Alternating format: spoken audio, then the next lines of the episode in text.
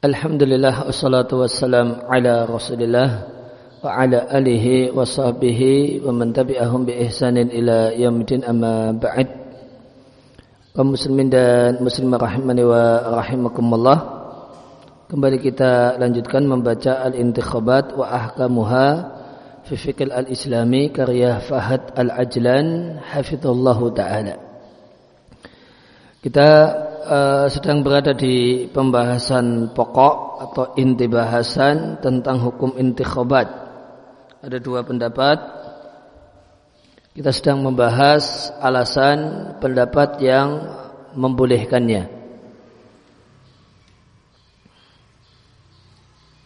Alasan yang ketiga ada di halaman 61.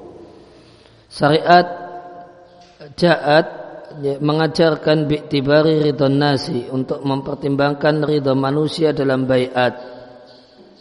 Oleh karena itu ada bayat ammah. Dan syariat tidaklah menentukan metode dan cara yang dengannya diketahui ridho manusia.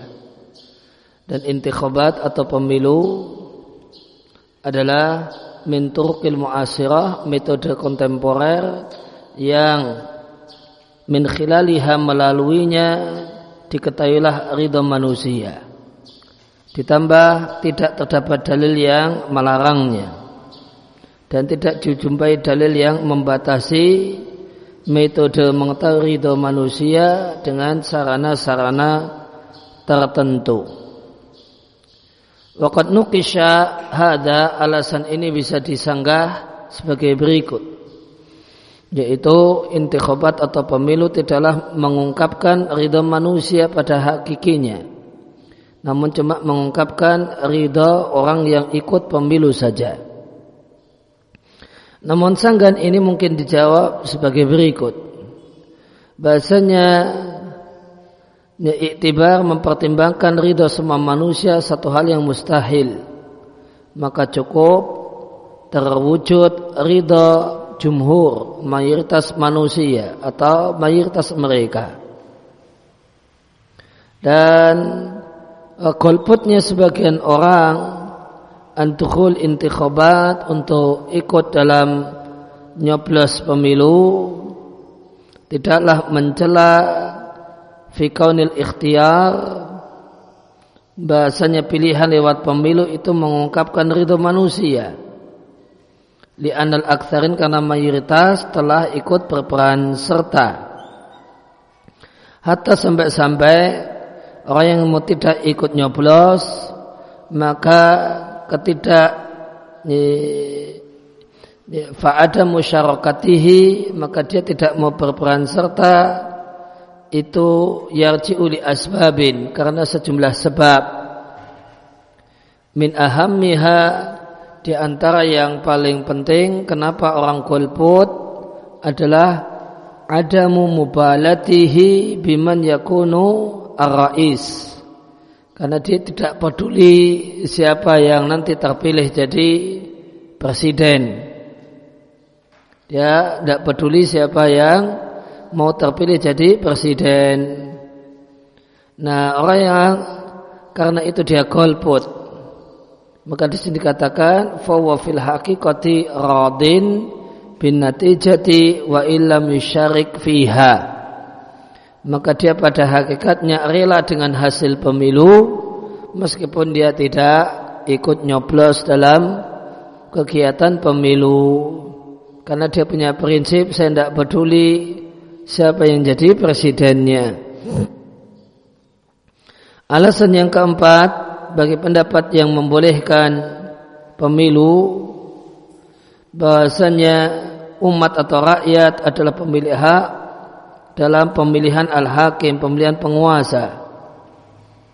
Wa idza kana kadzalik jika memang demikian dia punya hak maka boleh bagi umat yaitu rakyat untuk tumaris dalika melakukan hal itu pemilihan presiden baik langsung ataupun melalui wakil yang menjadi ahlul hali wal aqdi.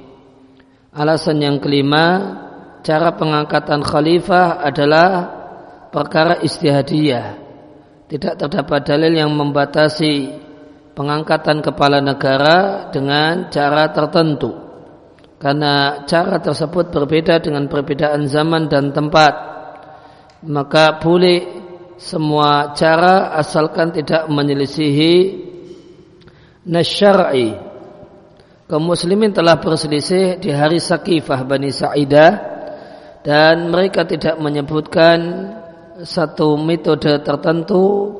Tidak pula cara tertentu bisa sampai ilal hukmi kepada kekuasaan padahal terdapat hajat untuk itu. Maka ini menunjukkan bahasa cara untuk sampai kepada kekuasaan adalah cara yang istihadi. La yustarat laha tidak disyaratkan oleh nasyar'i tertentu. Dalil kalau itu istihadi adalah perbedaan cara pengangkatan masing-masing khalifah dari empat khulafa'ur rasyidin. Pengangkatan Abu Bakrin radhiallahu anhu tamat terwujud bitariqatin dengan metode tidak seperti metode pengangkatan Umar. Waktalafat anhuma dan berbeda metode pengangkatan Abu Bakar dan Umar dengan pengangkatan Utsman dan Ali nadar menimbang perbedaan keadaan dan masa maka itu menunjukkan ala anna bahasanya cara terpilihnya kepala negara itu satu hal yang bersifat istihadi dan ini adalah di antara kemudahan Islam dan kelapangan Islam membiarkan cara yang mengantarkan ilal imamah untuk jadi kepala negara tanpa dibatasi supaya kaum muslimin memilih cara yang paling manfaat dan cara yang paling utama yang cocok bagi mereka sesuai dengan zaman dan tempat. Ini alasan uh, yang kelima. Kemudian alasan yang keenam, bahasanya pemilu adalah metode modern. Yatamakan memungkinkan dengan metode ini mengetahui pendapat manusia dengan adil dan objektif wal mukhalifuna li tariqah dan orang yang tidak setuju dengan metode pemilu tidak yujidu tidak mendapatkan alternatif yang benar yang bisa menjamin diketahuinya ahlul halil wa aqdi. Fakaifa maka bagaimanakah yatimu terwujud pengetahuan tentang alul halil wal aqdi dan penentuan mereka fidhili dalam naungan zaman ini jika tanpa pemilu? Wa kaifa dan bagaimanakah yumkinu mungkin doman jaminan perpindahan kekuasaan dan mencegah sistem politik jangan sampai melakukan kezaliman wal istibdad dan otoriter min ghairi intikhab intikhabin tanpa menggunakan sistem pemilu. Itu alasannya. Kemudian wa yumkin munaqashatu hadat dalil maka alasan ini bisa disanggah min wajahain dengan dua sanggahan. Yang pertama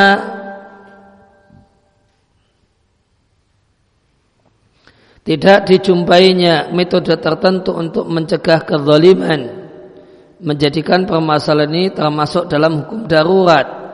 Dan kaidah mengatakan kondisi darurat membolehkan hal yang haram. Sedangkan pembahasan kita adalah fil hukmil asli. Membahas tentang hukum asal dari pemilu itu sendiri. Bukan hukum tarik. Bukan hukum yang bersifat uh, gawat karena atau darurat. Uh, alasan yang kedua, uh, kita tidak menerima kalau orang yang anti pemilu tidak memiliki alternatif pengganti intikhabat pemilu. Bahkan badail al-matruhah uh, alternatif yang ditawarkan kathiratun banyak dan tidak adanya alternatif tersebut dalam dataran realita bukan berarti kalau itu tidak ada Fakat qayyada ba'duhum maka sebagian yang uh, anti pemilu umum pemilihan umum membatasi pemilu modern atau kontemporer bi antakuna ala mustawiyat mutadarijah. Hendaknya menggunakan level yang berting, bertahap. Tidaklah kemudian masyarakat berperan serta fi a'la darajat langsung di level pemilu yang paling tinggi untuk memilih presiden secara langsung li adami kudratihim alaiha karena mereka tidak punya kemampuan untuk itu. Bal yusyarikuna fi aqalliha. Namun enggaklah rakyat jelata itu uh, ikut pemilu di derajat yang paling rendah. Wa man yusyarihuhum an-nasu kemudian yang dipilih yang dicalonkan oleh rakyat itulah yang kemudian ikut dalam al-a'la pemilihan yang lebih tinggi. Maka ada yang mengusulkan supaya lebih lebih islami atau lebih sesuai dengan Islam. Yakhtar an-nasu fil qaryah. Maka orang itu memilih di kampung atau muhafadzah atau provinsi man yaronau munasiba. Orang yang di, mereka nilai cocok untuk yumathilahu mewakili mereka.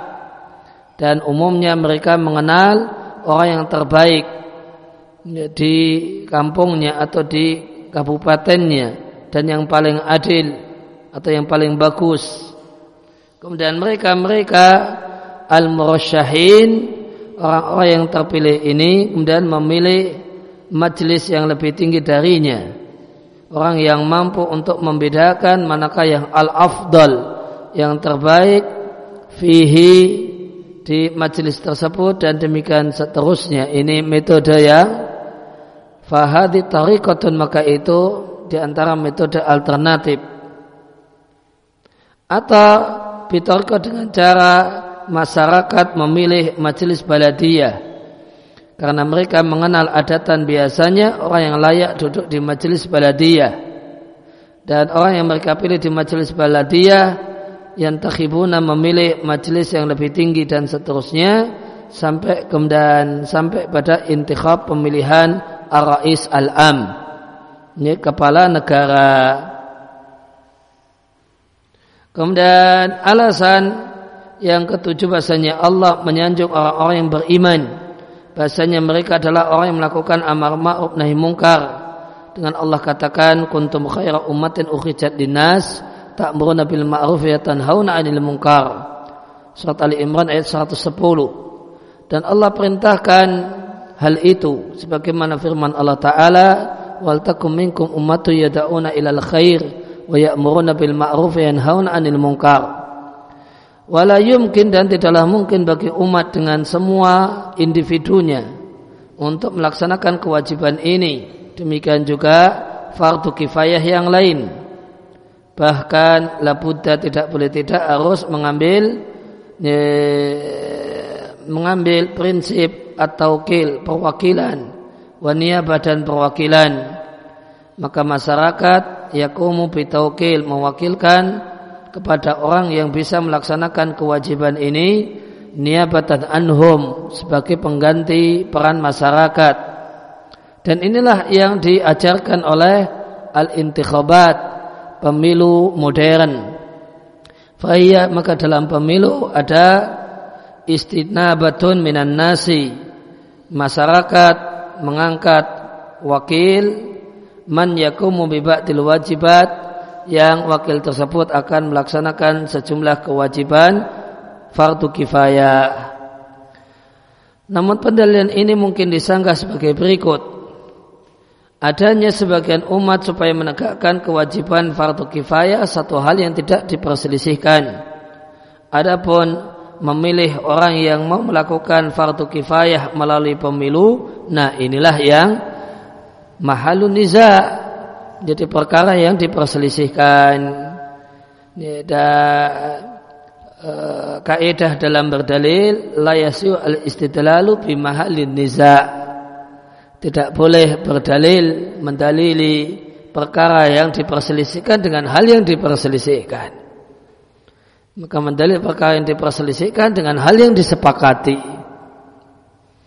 Fala yusallam anal qiyama fi hadzal kifai maka tidaklah diterima bahasanya melaksanakan fardu kifayah ini layakunu tidaklah mungkin terwujud kecuali hanya dengan cara pemilu.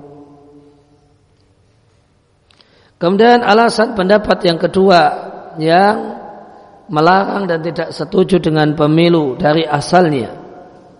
Yang pertama, intikhabat pemilu lam ya'ti dalilun. Satu hal yang tidak ada dalilnya. Umat Islam tidak mengenalnya. Walau kana fiha khairan lamma tarakaha sahabatu Rasulillah sallallahu alaihi wasallam. Seandainya itu baik tentu para sahabat tidak akan meninggalkannya. Namun dalil ini disanggah min wujuhin dari sejumlah sisi. Yang pertama, hukum asal dalam muamalat dan perkara duniawi adalah halal dan mubah. Siapa yang melarang itulah ya yalzamu ad-dalil. Wajib baginya mendatangkan dalil untuk mengharamkannya. Wa ilam yajid jika dia tidak mendapatkannya fahad dalilun maka ini dalil bahasanya perbuatan itu adalah mubah sanggahan yang kedua para sahabat mereka tidaklah memiliki hajat untuk menerapkan metode ini karena ahlul hali wal aqdi kanu ma'rufin telah diketahui dan telah terlihat tanpa ada pemilihan falam yakun falam yakun thammata maka di sana tidak ada dain faktor pendorong untuk melakukan metode ini. Wala tufiduhum dan metode ini tidak manfaat bagi mereka para sahabat sedikit pun. Lain hanya dengan masa kita di mana kebutuhan dai atau mendorong untuk mengetahui orang yang layak duduk di uh, majelis ahlul halil wal aqdi yang ini dipilih melalui sarana al-intikhab pemilu. Alasan yang kedua atau sangkan yang kedua mengetahui pendapat semua orang la yumkin tidaklah mungkin bisa kita dapatkan di zaman ini. Fatarkum lil amal bihi qad yakunu raji'an. Maka para sahabat meninggalkan beramal dengan pemilu boleh jadi raji'an berkaitan dengan tidak mungkinnya hal tersebut waqad amkana tatbiquhu dan telah memungkinkan itu diterapkan di zaman ini litawafur karena lengkapnya sarana-sarana ittisal komunikasi.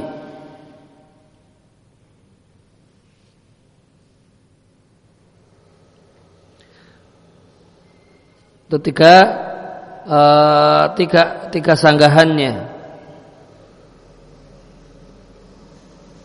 Uh, maka di sini catatan atau pelajaran yang bisa kita ambil uh, tidak semua orang yang menggunakan kaidah laukan khairan itu itu tepat penerapannya. Kaidah laukan khairan la sabakuna ilaih itu tidaklah tepat manakala ditujukan untuk perkara al-muamalat wa su'un dunyawiyah itu adalah tepat kalau itu perkara ritual ibadat. Tapi kalau itu babnya adalah bab muamalat dan su'un dunyawiyah, ya, maka penggunaan kaidah laukana khairan la sabakuna ilaihi satu hal yang tidak tepat karena hukum asalnya adalah halal. Kemudian alasan yang anti pemilu uh, alasan yang dalil yang kedua adalah dampak negatif yang melekat pada pemilu berupa at-ta'assub al-madhmum. Ini ada fanatik yang tercela, fanatik kepada kabilah, fanatik kepada partai, fanatik kepada kelompok. Kemudian yang kedua ada dampak negatif berupa jual beli suara. Kemudian ini antusias para calon untuk mengambil e, ridho para pemilih dengan menghalalkan segala cara melakukan bid'ah dan sebagainya. Yang penting pemilu e, mengucapkan kalimat-kalimat yang menyerempet kekafiran sebagiannya. Ya, demikian juga memecah belah barisan kaum muslimin. Kemudian itharah menimbulkan aniza sengketa dan perselisihan tahasubat dan pengkotaan di antara mereka Demikian juga di antara dampak negatif pemilu yang pasti dijumpai dalam setiap pemilu mayakok binat taswir. Ini ada kecurangan taswir dengan pemalsuan, pemalsuan KTP dan sebagainya. Watadlis penipuan dan pembelanjaan harta tidak dalam penyalurannya yang syar'i. Buang-buang waktu dan menyanyiakan jerih payah. Uh, namun alasan ini disanggah dengan tiga sanggahan. Yang pertama, seharusnya pemilu dalam naungan negara Islam tidaklah keadaannya sebagaimana pemilu dalam masyarakat Barat.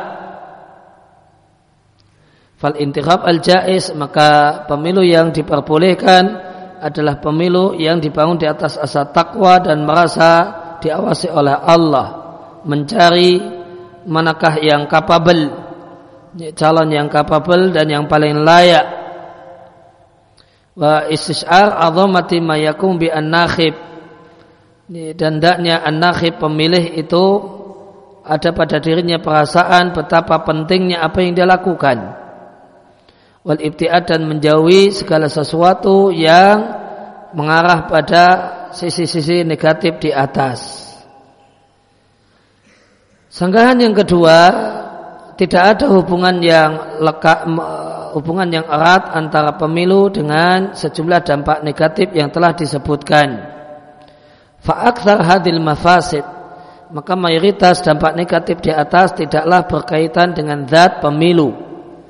Namun tarji berkaitan dengan zuruf, sikon, awamil faktor-faktor ukhra yang lain yang merupakan faktor kharijah faktor eksternal di luar pemilu. Semacam di ayah intikhabiyah kampanye. Kemudian tidak adanya nilai dan prinsip-prinsip syar'i tentang sangat pentingnya al-wilayah sangat pentingnya masalah di siapa yang menjadi penguasa. Kalau orang menyadari hal ini maka dia tidak akan mudah suaranya dibeli. Ini ketika seorang itu menyadari ta'zimil wilayah, ini adalah masalah gawat. Ini adalah masalah besar. Wadhami tolabiha. Demikian juga tercelanya orang yang mencari kekuasaan, haramnya bohong dan penipu dan hal-hal yang lain. Alat tadkhul ala intikhabat yang itu masuk pada pemilu minal mumarasat asia karena perilaku politik yang keliru yang tersebar di negara demokrasi. Sanggahan yang ketiga, adanya dampak negatif pada perbuatan tidaklah menyebabkan secara langsung haramnya. Hatta takuna sampai dampak negatif tersebut lebih banyak daripada maslahat yang diharapkan. Fakhukmu ala intikhabat. Maka hukum uh, hukum untuk pemilu wajib dengan melakukan mukoronah. Melakukan perbandingan komparasi antara maslahat masalih dan mafasid. Waliyasidah tidaklah sah mencukupkan diri dalam pembahasan hukum dengan pemaparan al-mafasid saja. Alasan yang ketiga dari orang yang anti pemilu adalah pemilu itu berdiri di atas prinsip al-aktsariyah. Yang menang adalah yang paling banyak. Dan ini adalah prinsip yang tercela dalam syariat. Sebagaimana firman Allah Ta'ala, Wa intuti aktsar man fil ardi. Jika engkau mentaati mayoritas manusia di muka bumi, mereka akan menyesatkanmu dari jalan Allah. Demikian juga firman Allah Subhanahu dan tidaklah dan tidaklah kami jumpai mayoritas mereka adalah orang yang memenuhi perjanjian. Sungguh kami jumpai mayoritas mereka adalah orang-orang fasik. Sedangkan syarat Islam tidak ada dalam syariat Islam tolak ukur berdasarkan mayoritas ataukah minoritas. Bal al-masail namun permasalahan boleh jadi hak yang wajib diterima meskipun datang dari satu orang ataukah batal yang wajib ditolak meskipun datang dari mayoritas manusia. namun mungkin alasan ini disanggah dengan dua sanggahan. Yang pertama,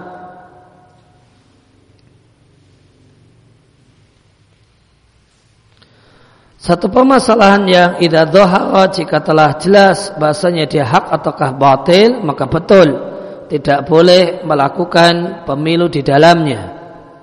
Wa inna takunu al-intikhabat adapun ini pemilu hanya dilakukan dalam masalah-masalah yang mubah. Alati yajuzu al-akhdhu bi ayyi wahidin minha yang boleh mengambil dari satu pun dari hal yang mubah tersebut Au fil wilayat alat yajuzu atau dalam kekuasaan yang dibolehkan tawali menjabat ayin semua dari orang-orang yang mencalonkan diri.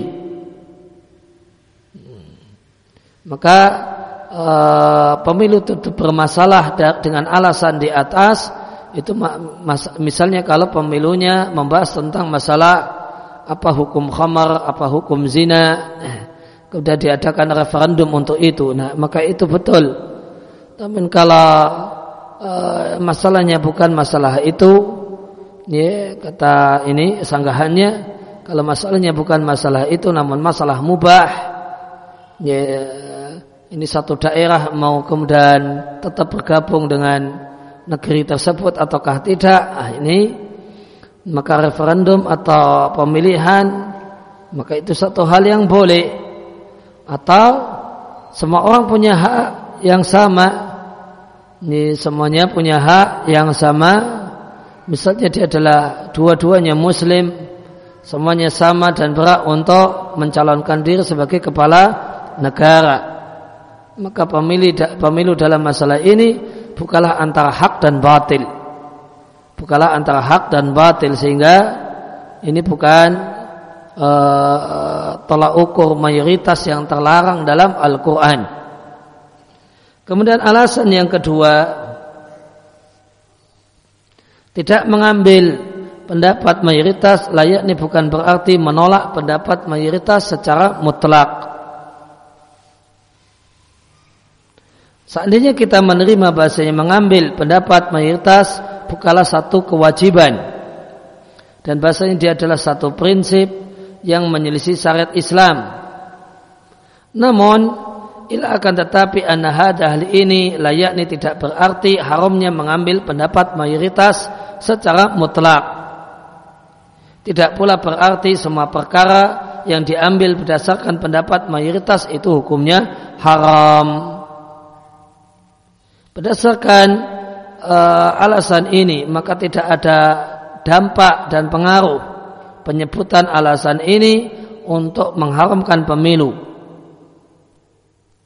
Sama saja apakah, apakah dikatakan bahwa syariat itu mendukung prinsip mengambil pendapat mayoritas ataukah menolaknya.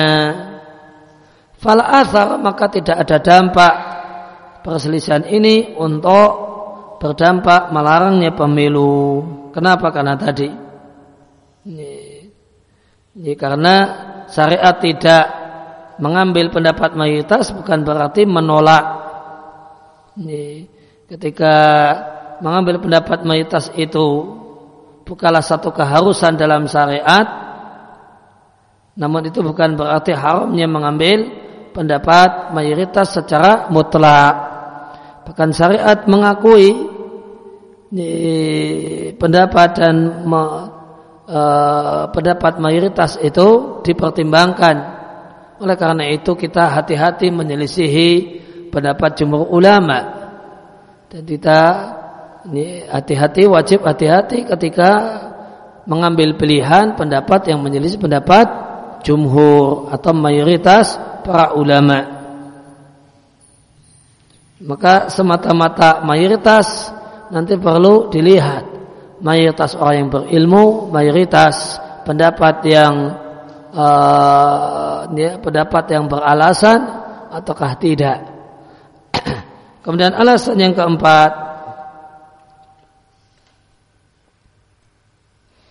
Alasan keempat bagi orang yang anti pemilu adalah pemilu modern tidak memperhatikan syariat yang wajib dipenuhi pada murosyah, pada calon di mana atarsih pencalonan itu boleh bagi setiap orang meskipun tidak terkumpul padanya syarat untuk bisa menjadi pejabat.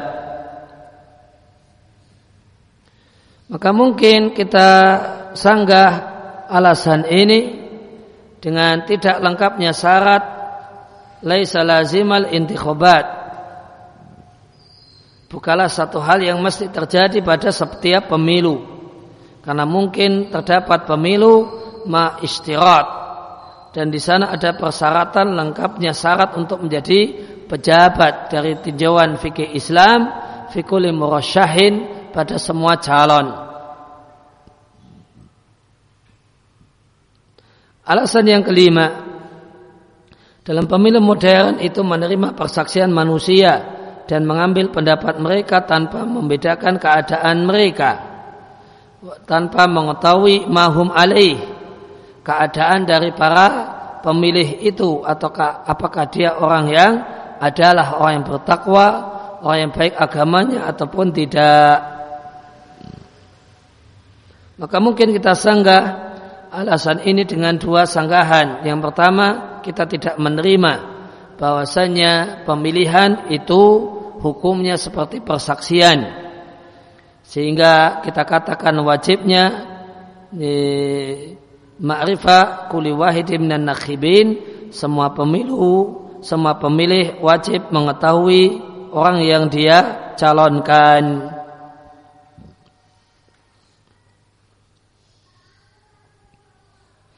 Alasan atau sangan yang kedua, mungkin saja kita syaratkan al-adalah baiknya orang dalam setiap pemilik. Wa yatajawaz fi mafhumil adalah fihi dan e, wa yatajawaz dan ada kelonggaran dalam konsep atau pengertian orang yang baik fihi dalam masalah ini menimbang keadaan hadal intikhab keadaan di pemilihan ini. Maka definisi orang baik bisa dibuat longgar tidak dalam keadaan misalnya di penjara tidak kemudian eh, sedang dalam proses pengadilan dan sebagainya. Khasatan terutama bahasanya dampak dari pemilihan tidaklah sebagaimana dampak dari persaksian. Karena dampak seorang nakhib, seorang pemilih, do'ilun jiddan, itu kecil sekali jika dibandingkan dengan umum an-nakhibin, umumnya para pemilih. Oleh karena itu ini adalah faktor yang yastadai mendorong adanya kelonggaran dalam pengertian orang yang baik yang boleh memilih. Kemudian uh, alasan atau alasan yang keenam bagi orang yang anti pemilu adalah pemilu dibangun di atas prinsip kesetaraan antara suara orang yang berakal dan berilmu, orang yang al-khabir, orang yang uh, orang yang ahli dengan orang yang bodoh dan orang yang rusak. Semua orang itu sawasiyatun sama dalam pemilu tidak ada dampak ilmu, takwa, demikian juga memiliki ide-ide yang cemerlang dalam pemilu. Dan ini adalah jalan yang menyimpang diambil dari filsafat demokrasi yang berdiri di atas kesetaraan tanpa membedakan muahilat kelayaan. Allah Ta'ala berfirman, Kul katakanlah apakah sama orang yang berilmu dengan orang yang tidak berilmu. maka mimma dulu maka ini menunjukkan rusaknya konsep atau gambaran pemilu karena menyamakan orang yang berilmu dengan orang yang bodoh.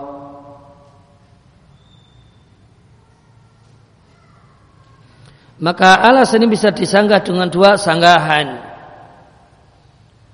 E, sanggahan yang pertama, lama farah tidak ada pilihan minal iktibar dari uh, iktibar mengakui kesamaan di antara manusia dalam suara. Kenapa? Karena nanti tolak ukurnya tidak jelas antara orang berilmu dan tidak yang berilmu. Ini nanti parameternya sulit. Ini parameternya sulit ini parameternya ijazah belum tentu juga ada orang yang berilmu yang tidak punya ijazah. Dan untuk jadi sistem di zaman ini semuanya harus ada indikator terukur. Nah, itu zaman ini indikator terukur itu itu untuk kalau mau diterapkan ya sudah misalnya kita terima harus dibedakan orang yang berilmu dan tidak berilmu. Gimana indikator terukur yang bisa di terapkan. Nah itu tidak bisa.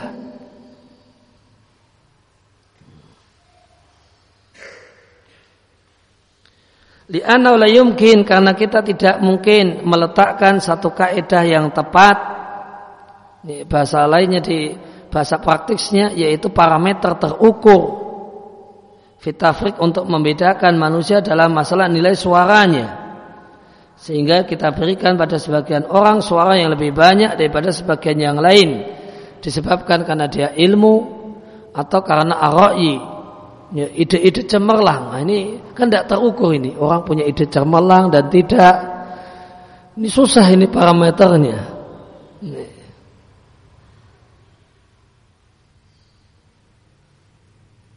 Walau qadar walau qadar ala dalika ini Seandainya kita mampu untuk mewujudkan hal tersebut, fakaifa nuqaddir? Lantas bagaimanakah kita cara untuk mengukur? Ini nuqaddir untuk mengukur atau fakaifa naqdir? Bagaimanakah kita mampu untuk tamyiz membedakan apa yang ada pada manusia? Amanah, kesuci, kebersihan, bersih, fadilah dan dia adalah uh, orang yang unggul fala manasa maka tidak ada pilihan yang lain minal lucu kecuali memanfaatkan atas sawik ini prinsip ini kesetaraan maka di antara uh, problem hal yang teoritis ketika dibawa ke dataran praktis itu adalah bagaimanakah menyiapkan indikator terukur. Itu kalau mau diterapkan ke dalam masyarakat luas indikator terukur. Maka banyak di tempat kita ada apa eh, diskusi-diskusi atau kemudian wacana-wacana yang mentok karena permasalahan indikator yang terukur. Indikator yang terukur. Indikator terukurnya seperti apa? Akhirnya mentok, tidak ketemu. Ya sudah, kembali seperti semula.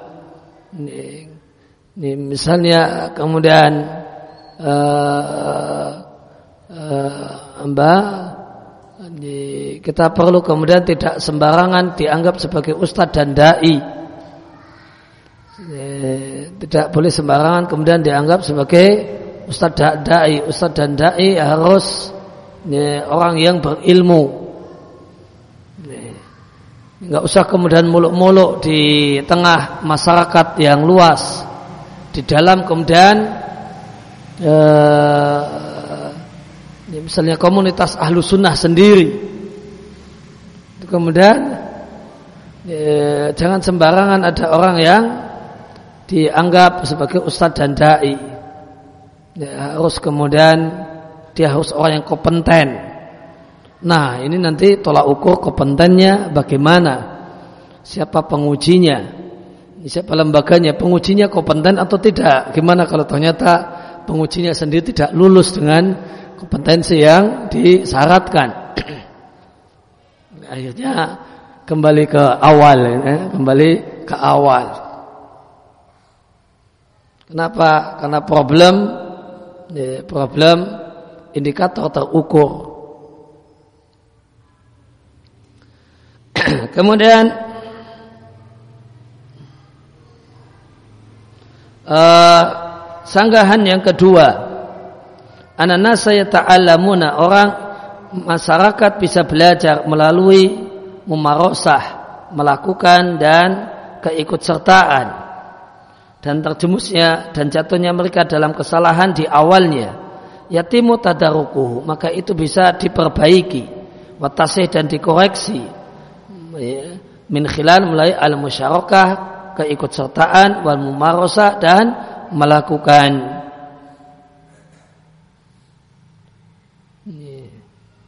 Namun sanggahan ini bisa dijawab sebagai berikut. Ini adalah semata-mata klaim. Lam yakum ala ithbatin yang tidak memiliki bukti. Nah, bal al aslu bahkan asalnya mayoritas manusia, umumnya manusia tidak mungkin sampai ya, yasilu sampai pada batas yang yakununa fihi ala mustawa ahli ra'yi yang mereka itu Eh, ketika berada dalam batas tersebut mereka berada pada satu level orang yang ahlu ra'i, orang yang memiliki pemikiran yang cerdas, orang yang memiliki wawasan dan orang yang spesialis dalam satu permasalahan. Dalilnya adalah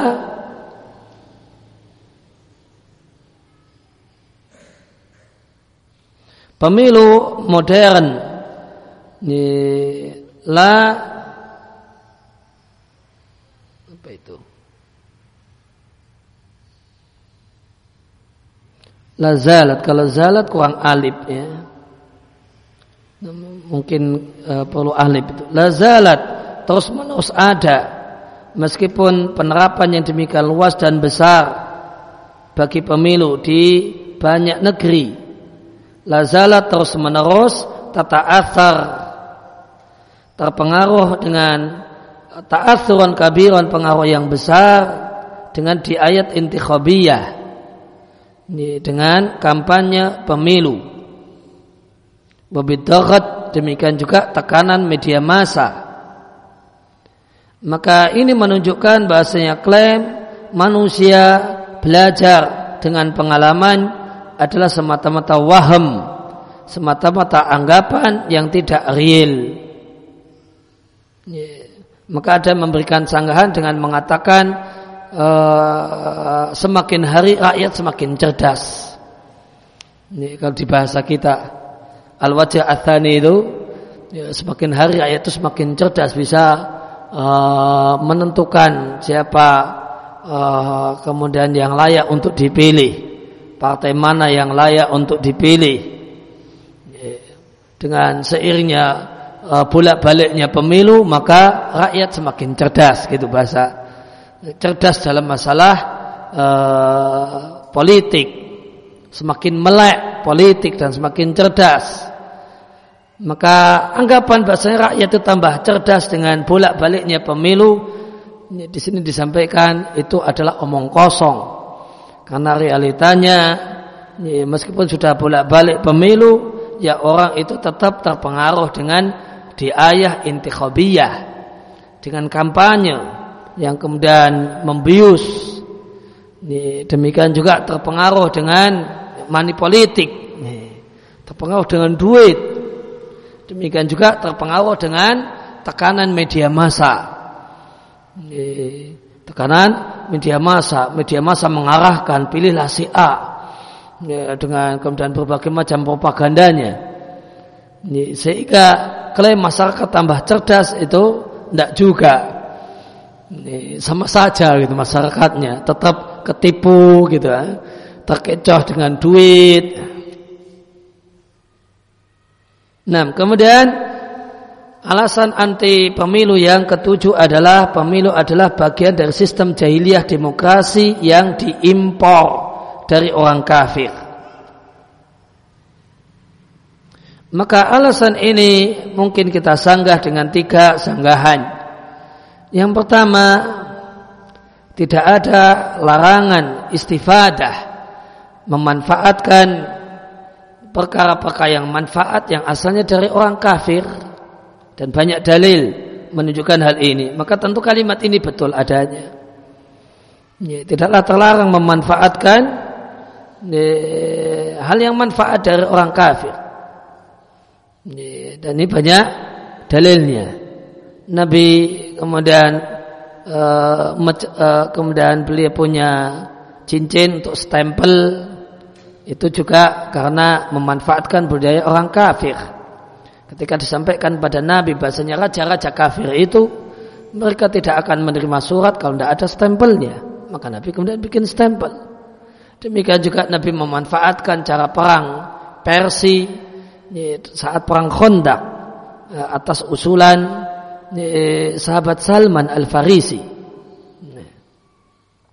Maka Nabi eh, memanfaatkan hal-hal yang bermanfaat yang itu berasal dari orang kafir.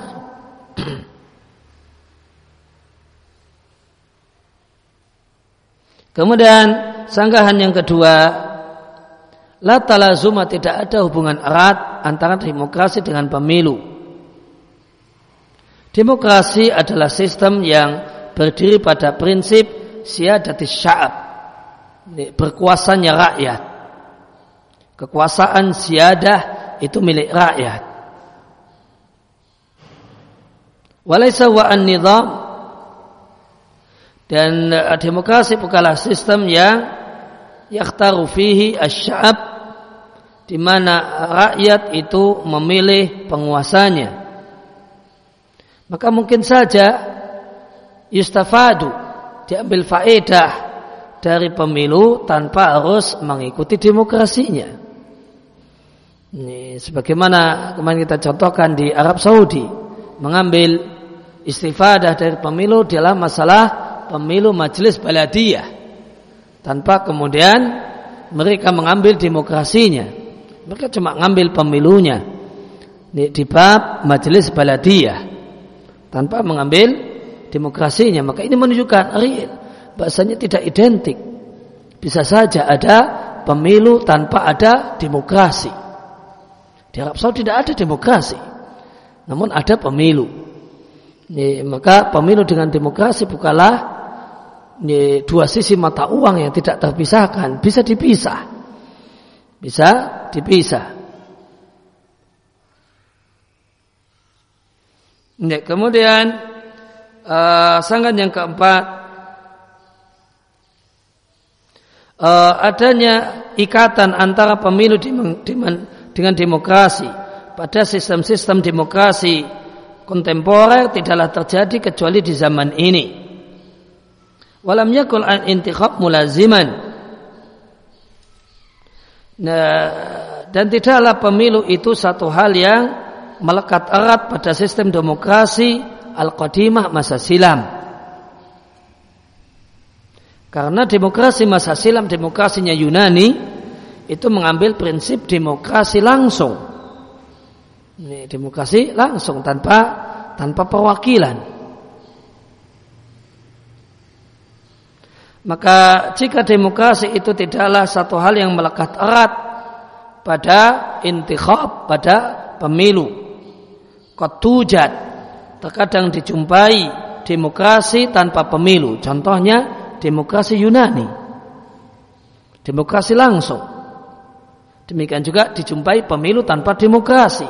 Contohnya Arab Saudi. Ada pemilu majelis baladiyah namun tidak ada demokrasi. Fali Allah yakuna al intikhab maka pemilu itu tidaklah melekat erat demokrasi adalah mimbabil aula lebih-lebih lagi. Demokrasi tidak mesti pemilu maka lebih-lebih lagi pemilu tidak mesti demokrasi Dan bisa kita katakan ini di antara alasan paling kuat ya, bagi orang yang anti pemilu. Alasan yang paling pokoknya adalah ini. Mengidentikan pemilu berarti pro demokrasi. Pemilu berarti pro dan setuju dengan demokrasi. Dan demokrasi adalah uh, adalah kekufuran karena hukum milik rakyat kekuasaan milik rakyat, halal haram milik rakyat. Maka di, disangka dengan sangkahan yang cukup bagus, tidak itu satu hal yang tidak identik. Ini, maka uh, oleh karena itu maka di awal disampaikan bahasa pembahasan tentang pemilu, ini adalah ya, hukmun fikhi, hukum fikih lain halnya dengan bab demokrasi. Demokrasi uh, jadi masuknya pembahasan ini pembahasan akidah. Kemudian uh, alasan yang kedelapan, pendapat yang membolehkan pemilu berkonsekuensi menuduh syariat itu tidak sempurna, wal ajiz dan tidak mampu memperbaiki kehidupan manusia.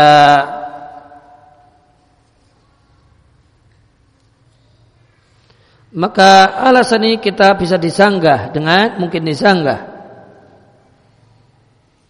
Biana hadad dalil bahasa dalil ini tidaklah menjelaskan bagaimanakah membolehkan pemilu berarti menuduh syariat tidak sempurna.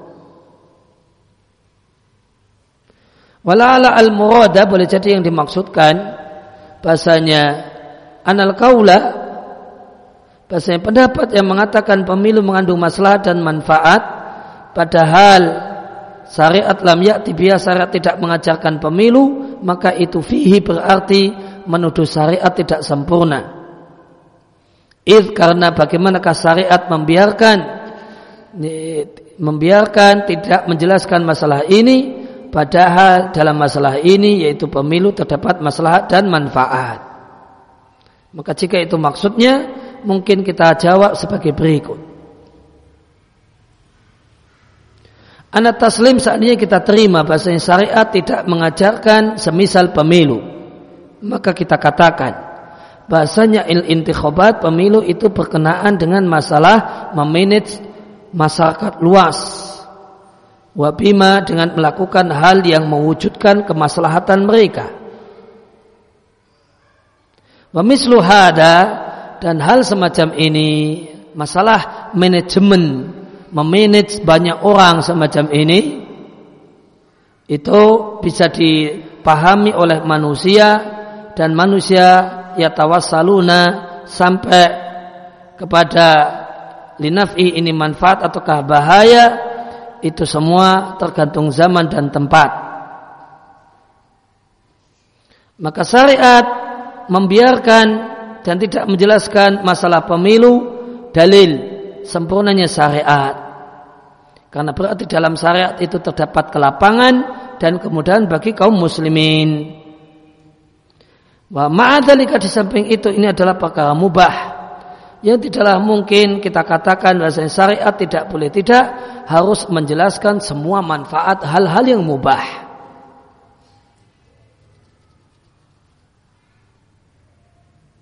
Ya, maka apakah bagaimanakah sistem yang terbaik? Ya, sistem yang terbaik berkenaan dengan satu nas memanage manusia maka itu tidak harus dijelaskan secara syariat secara detail. Bahkan syariat cukup dengan tidak menjelaskannya. Itu sebagai kesempurnaan syariat, artinya silahkan.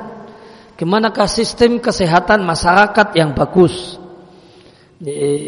Kemudian orang kemudian dinilai kemudian oh perlu ada puskesmas sebelum puskesmas ada posyandu terus kemudian naik naik dan seterusnya maka sistem kesehatan masyarakat semacam ini nah, maka tidak perlu syariat menjelaskannya Ini, namun hal-hal semacam ini ditangkap oleh manusia dengan sesuai dengan perkembangan zaman dan tempatnya.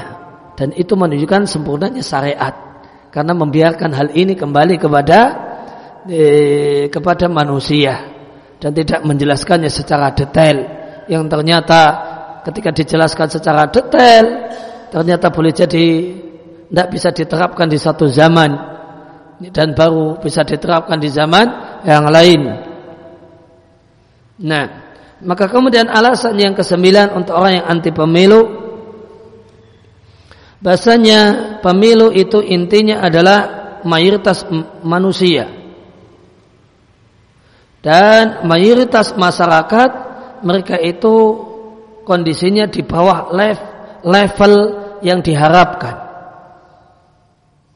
Sehingga sangat mungkin mempengaruhi publik para pemilih dengan cara kekerabatan, dengan cara persahabatan, dengan cara empati, dengan duit dan yang lain.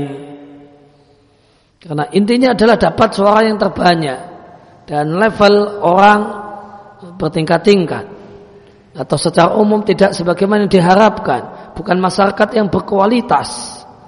Oleh karena itu maka pemilihannya tidak objektif, namun faktor pertemanan, faktor kekerabatan, demikian juga faktor money politik.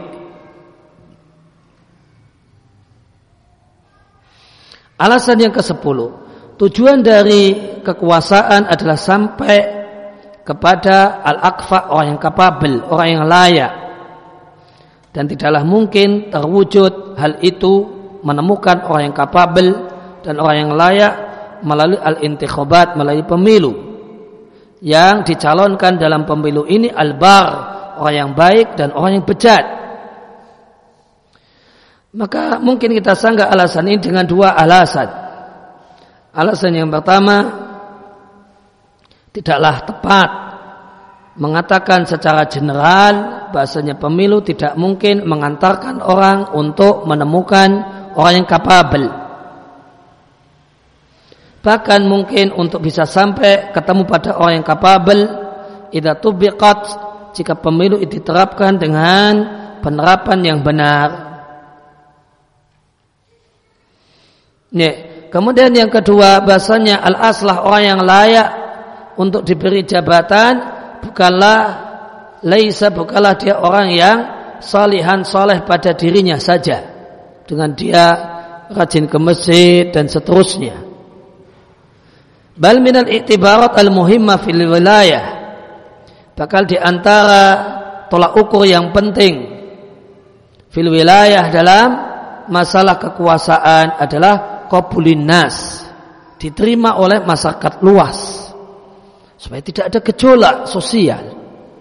Wal ingkadihim lahu. Dan mau tunduknya masyarakat luas kepadanya. Ya, oleh karena itu maka Umar ketika kemudian uh, masyarakat Kufah protes dengan gubernurnya. Ini protes dengan gubernurnya yang ketika itu saat bin Abi Waqqas.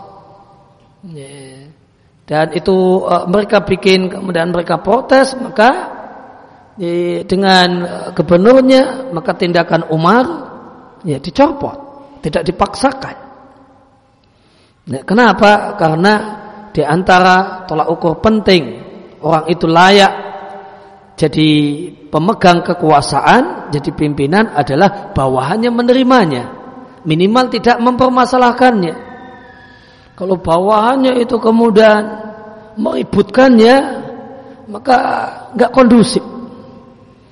Jika kondisinya tidak kondusif, maka tidak akan jalan. Maka tidak akan jalan. Ya, maka tentu ini kalimat yang benar. Bahasa di antara hal yang jadi tolak ukur untuk uh, untuk jadi pemimpin adalah orang itu diterima oleh anak buahnya. Didukung oleh anak buahnya. Minimal tidak dipermasalahkan oleh orang bawahannya. Ketua panitia nggak usah muluk-muluk yang ngatur banyak orang cuma ngatur tim kecil saja ketua panitia. Siapa yang layak jadi ketua panitia yang dapat dukungan dari anggotanya yang kemudian minimal tidak dipermasalahkan oleh anggotanya kalau mereka semua pada protes atau mayoritasnya pada protes dan dipaksakan tetap dia ketua panitianya, maka nanti ini yang di bawah pada mogok. Kalau yang terjadi tidak jalan. Ya, maka betul iktibarat al-muhimmah fil wilayah ya, di antara yang telah ukur penting dalam masalah uh, orang yang uh, man, uh, pemegang kekuasaan adalah qabulun nas. Orang itu menerima. Demikian juga kalimat sebelumnya adalah kalimat yang betul adanya. Bahasanya yang layak dalam al-wilayah itu bukanlah orang yang semata-mata dia orang yang saleh Semata-mata dia orang yang soleh pada dirinya. Kalau dia tidak punya kemampuan, kemampuan leadership, maka tidak layak jadi pemimpin. Oleh karena itu, siapa yang meragukan kesolehan individu Abu Dhar? Ya, tentu tidak ada yang meragukannya. Beliau adalah pribadi yang saleh. Namun Nabi Shallallahu Alaihi Wasallam mengatakan kepada Abu Dhar tentang masalah kekuasaan. Ya, ya, Nabi Shallallahu Alaihi Wasallam mengatakan pada Abu Dhar, Abu Dhar, aku menginginkan untukmu apa yang aku inginkan untuk diriku. Hmm. Maka kemudian Nabi mengatakan, Inna dhaifun. Engkau itu adalah orang yang lemah dalam ngurusi banyak orang. Ngurusi dirimu sendiri engkau pintar. Ya. Tapi kalau ngurusi banyak orang, tidak pintar engkau. Kamu tidak pintar, tidak layak, tidak kapabel. Inna dhaifun kau lemah. Ya. Sampai-sampai Nabi mengatakan kamu jangan mimpin dua orang. Ya, mimpin dua orang saja tidak boleh. Ah, Abu Dhar tidak boleh mimpin dua orang. Ya, karena beliau saleh untuk dirinya namun tidak layak untuk jadi pimpinan. Maka untuk jadi pimpinan itu telah ukurnya bukan hanya kelayakan Pimpinan lembaga pendidikan itu tidak hanya oh dia lulusan Madinah gitu. Lulusan Madinah namun dia tidak punya uh, leadership untuk mimpin bawahnya. Tidak bisa. Dia tidak punya kemampuan manajerial yang bagus. Ya. Dia ahli fikih lulusan Madinah, nah, ahli fikih. Nah, kalau masalah kemudian fatwa macam-macam beliau orangnya. Namun kalau memanage orang mudir pondok, ya, pengasuh pesantren itu yang diurus bukan hanya fatwa, ya. ini apa hukumnya, urusannya banyak. Ada dengan pihak pemerintahan, ada dengan masyarakat untuk ke dalam dan seterusnya. Ya, maka uh, yang namanya al-aslah dalam wilayah, al-aslah dalam masalah kekuasaan, semacam kemudian kepala sekolah, kemudian pengasuh pesantren, apalagi yang lebih luas, itu tidak hanya saleh finapsihi, namun dia juga harus punya kemampuan leadership, kemampuan untuk memimpin, kemampuan manajerial. Nah, itu alasan-alasan yang dibawakan oleh penulis buku ini baik dari yang pro ataupun yang kontra Ya, kemudian at-tarjih. Pendapat yang dipilih oleh penulis ya, waladhi yatarjahu li yang rajih menurutku ya, ya, ya, yang belum tentu kemudian rajih menurut yang lain. Ya, karena rajih itu satu hal yang uh, kemudian relatif. Rajih ingdaman ya, rajih menurut siapa ya, tidak harus kemudian sepakat dengan beliau ya, cuma bisa kita pertimbangkan ketika beliau bawa membawakan alasan-alasannya. Yang rajin menurutku dari dua pendapatnya adalah pendapat yang membolehkan pemilu kontemporer dan bahasanya di antara, di antara model yang mubah dari model-model pengangkatan kekuasaan. Dan aku dukung pendapatku dalam tarjih ini dengan alasan sebagai berikut. Yang pertama, syariat tidak menentukan metode tertentu supaya seorang imam itu menjadi imam. Seorang kepala negara itu jadi kepala negara. Namanya jadi telah ukur adalah ridho manusia. Maka metode apa pun yang manusia ridho maka itu adalah satu hal yang boleh selama tidak menyelisih hukum syar'i. Dan siapa yang merenungkan fi wilayatil khulafa ar-rasyidin pengangkatan khulafa ar-rasyidin dia akan jumpai bahasanya setiap khalifah itu tawalla menjabat dengan metode yang berbeda dengan khalifah yang lain. Maka Abu Bakar itu tawallaha menjabat sebagai kepala negara dengan metode pemilihan orang-orang yang hadir di Sakifah. Thumma setelah itu bayat ya, masyarakat Madinah untuknya. Sedangkan Umar itu menjabat sebagai khalifah bil istikhlaf karena pengangkatan dan penunjukan Abu Bakar.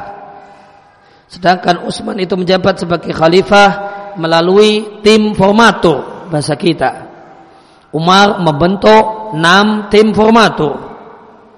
Ya, maka melalui majelis khusus yang lisura untuk bermusyawarah yang yadumu memuat enam orang yang layak bermusyawarah. Yang enam orang tersebut telah ditentukan sendiri oleh Umar radhiallahu anhu. Maka diangkat melalui tim formatur. Yang tim formatur untuk berembuk siapa yang layak jadi ketuanya atau siapa yang layak jadi uh, kepala negara. Kemudian sedangkan Ali itu menjabat sebagai khalifah karena bayat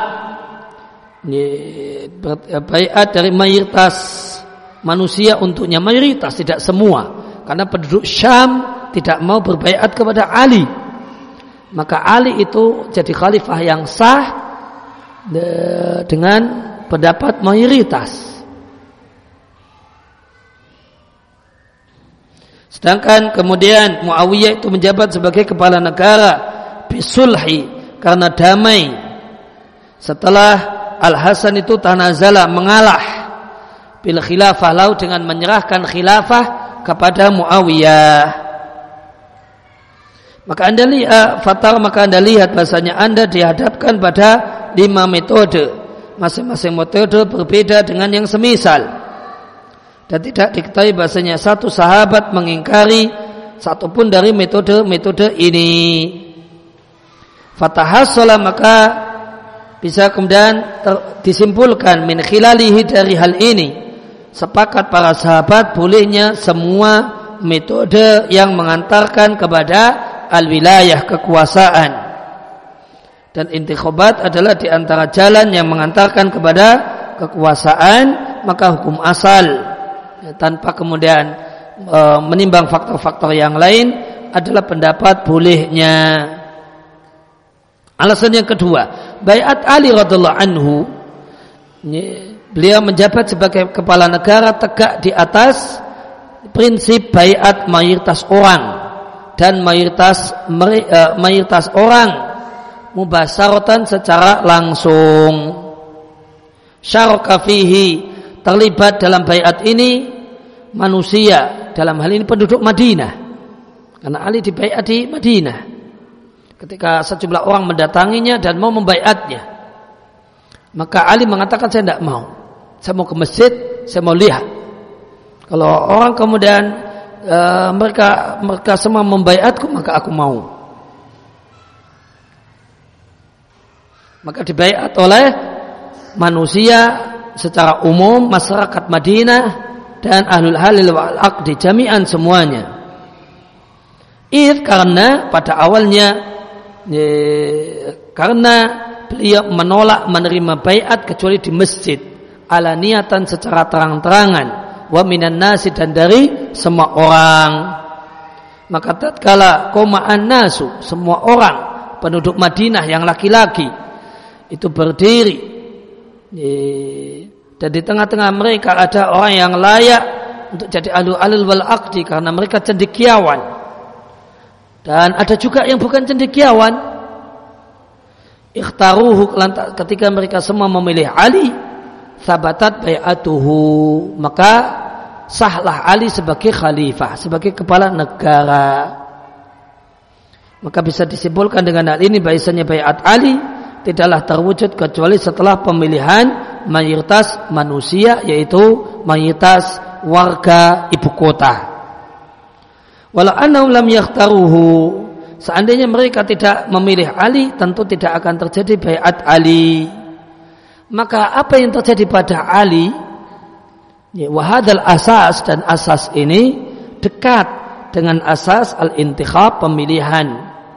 Al-qaim yang tegak di atas prinsip iktibar kuli saksin mempertimbangkan setiap orang meskipun dia bukan ahlul ahli wal akdi. Karena yang memilih Ali ya, ada yang ahlul ahli wal akdi, ada cendekiawan, ulama dan ada yang tidak. Dan semua itu semua orang yang laki-laki.